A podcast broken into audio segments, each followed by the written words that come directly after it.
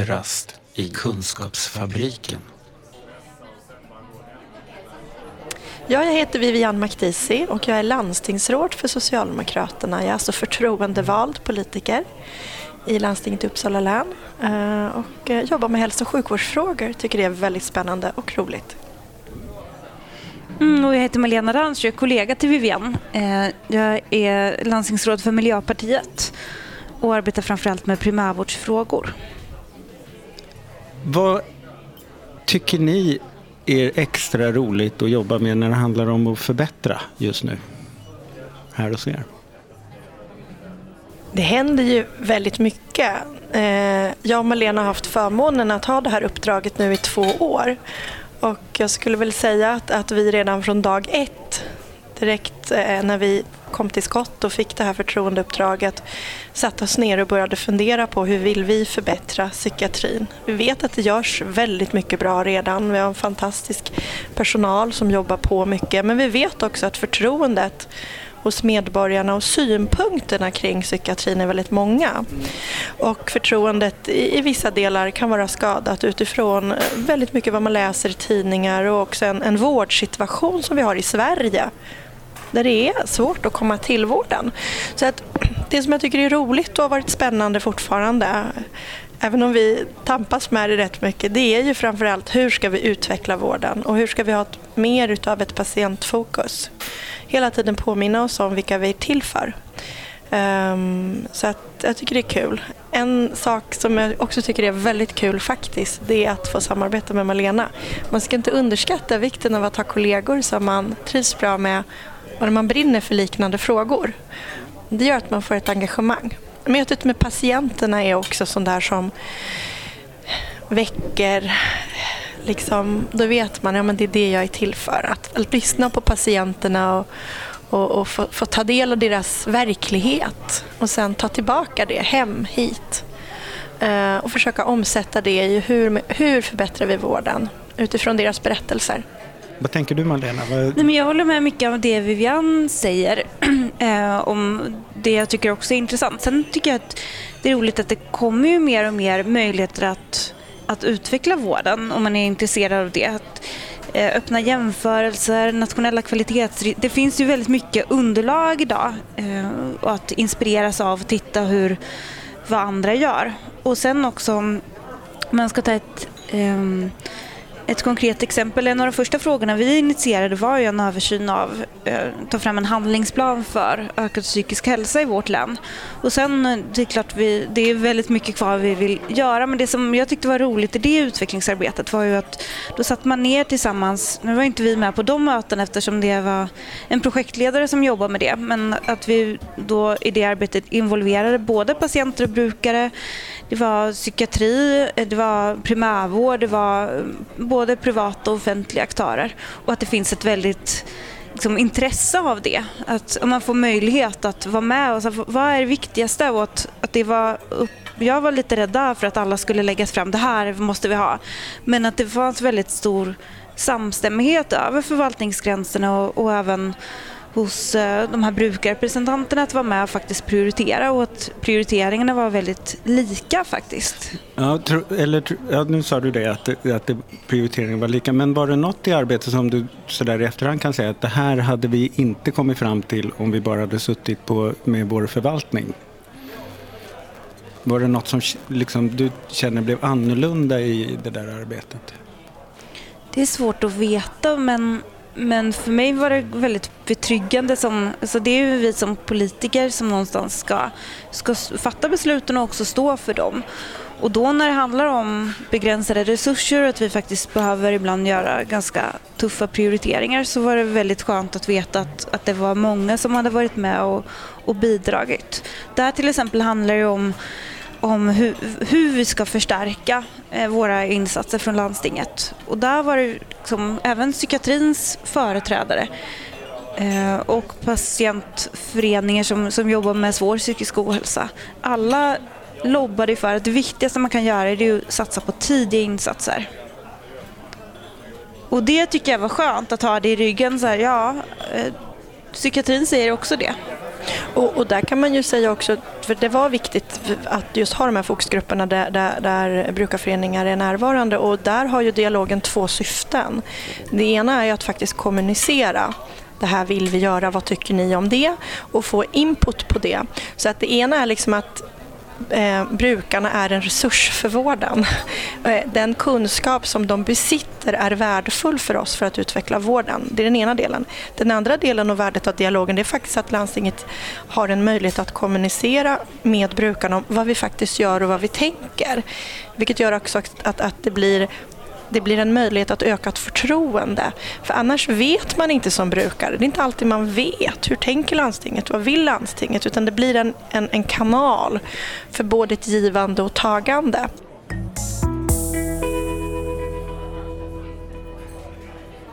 För er på den nivån där ni är så har ni en förvaltning som ska ge er underlag för saker och ting. Och deras uppdrag är ju inte riktigt det ni har. Eh, och de hamnar ju förstås i mycket sån här eh, produktionsstatistik. Vilka för, vilken förmåga har de eller vilken, vilka möjligheter har ni att komplettera den produktionsstatistiken med det som har mera övergripande och syften att göra. Så att säga. Alltså, känner patienterna kontinuitet? Eh, känner man, ja, nu jobbar ni inte med socialtjänst, men, men tycker man att man stärks i sina egna resurser? Och sådär. Eh, hur, hur Vi har ni? faktiskt jobbat medvetet med det för att det finns ju mycket eh, och just få in de här mjuka värden är fel att säga, men som handlar om faktiskt kvalitetsfaktorer som, som är svåra att mäta medicinskt kanske. Men det finns ju till exempel nationella riktlinjer för många kroniska sjukdomar och där handlar det om medicinska behandlingsinsatser, vad man ska göra.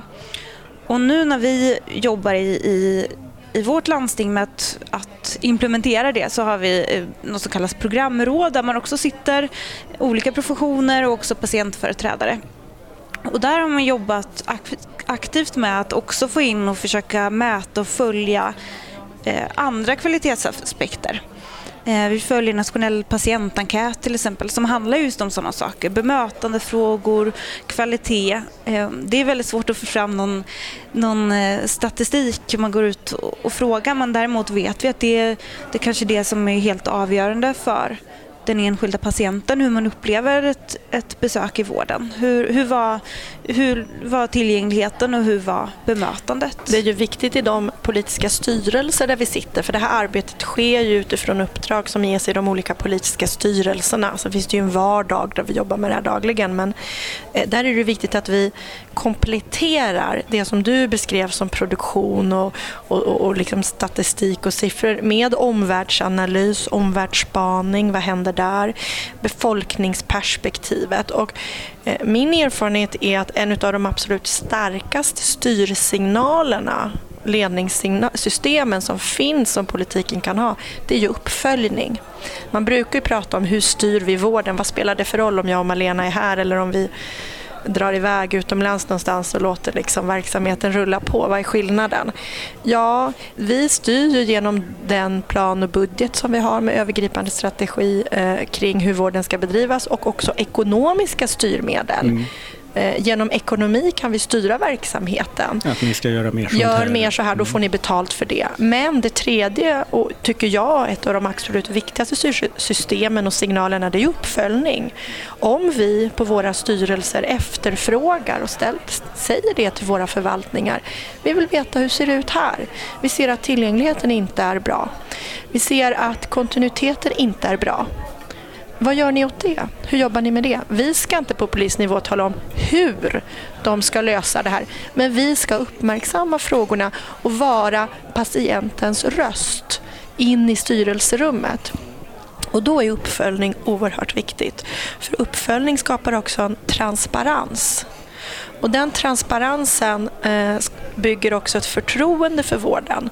Eh, och det vet vi. Får man mm. frågor mm. då, då, då är, blir, vill verksamheten och vill svara på de frågorna. Ja. Men, Men sen det är fortfarande svårt med ja. till exempel kontinuitet. Det är ju det är mycket, det är mycket lättare att ta fram hur många fick sitt första besök inom, eh, inom sju dagar. Mm. Däremot att hitta relevanta mått. Mm. Jag tänkte så här, eh, ni pratade om den här överensstämmelsen kring eh, tidiga insatser. Det som har slagit mig när jag pratat med folk om tidiga insatser det är att då ökar ju kravet på en långsiktig uppföljning. Alltså om du ska veta att de tidiga insatserna var rätt insatser så måste du våga lägga målet rätt långt bort också. Ehm, medan vi ofta hamnar i, oj nu fick vi dåligt på bemötandet eller kontinuiteten. Nu måste vi göra fler sippar. Och det kan vi börja göra i år och så räknar vi vid årets slut att vi gjorde fler. Men det gör ju också att vi faktiskt inte riktigt tar reda på om det var det som sen i slutändan hjälpte. Men om vi säger att en tidig kontakt med BUP och en långsiktig plan och en bra samordning vet vi gör att man fem år senare ofta har hittat rätt i tillvaron. Så att säga. Och det gör ju att om vi ska våga satsa på långsiktig, eller på tidiga insatser så måste vi våga satsa på en annan typ av uppföljning också. Mm. Och vara beredd på konsekvenserna tänker jag. Vi pratar om det just nu, psykisk ohälsa eller första linje för barn och unga. Och då är det lätt att man tänker, ja men om vi har tidiga insatser då sparar vi, då kommer färre komma till BUP. Alla kommer Fast, bli glada. Ja, och det är ju faktiskt verkligen inte säkert att det blir det. Det kanske blir fler som kommer till BUP, åtminstone de första åren för att det är också den effekten vi får är att fler får hjälp. Och man kanske kommer dit i ett tidigare skede och har större möjligheter att få få en behandling eller stöd som man behöver och man kanske får, får mindre ohälsa i familjer för att barn till exempel inte hinner få så stora problem. Mm. Och hur motiverar du det för en BUP som redan står med och skottar undan för att ha jättemycket att göra och säga mm. att fast först ska vi göra ännu mer. Mm.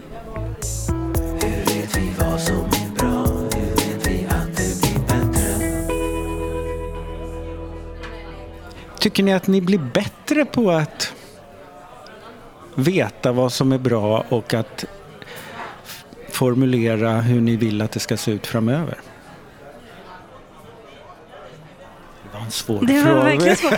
Nej, men jag tycker det är, ju en, det är ju en lång process. Jag tycker vi lär oss jättemycket varje vecka, varje dag eh, om det. Men sen tror jag också, vi har pratat om dialog, men jag tror att de här frågorna är så stora och komplexa. Om man pratar om psykisk ohälsa till exempel.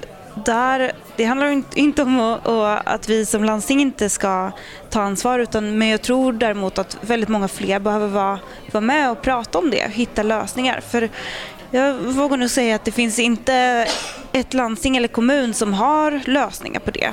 Varför ökar ohälsan, framförallt hos unga tjejer till exempel?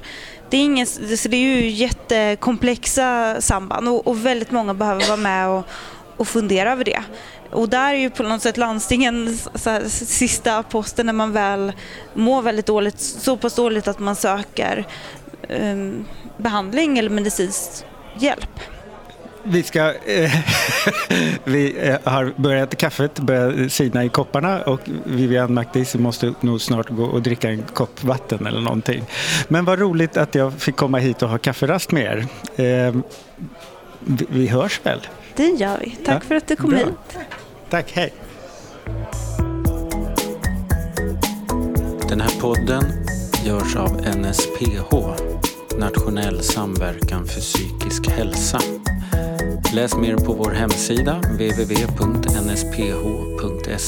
eller följ oss på Facebook. Kafferast i Kunskapsfabriken.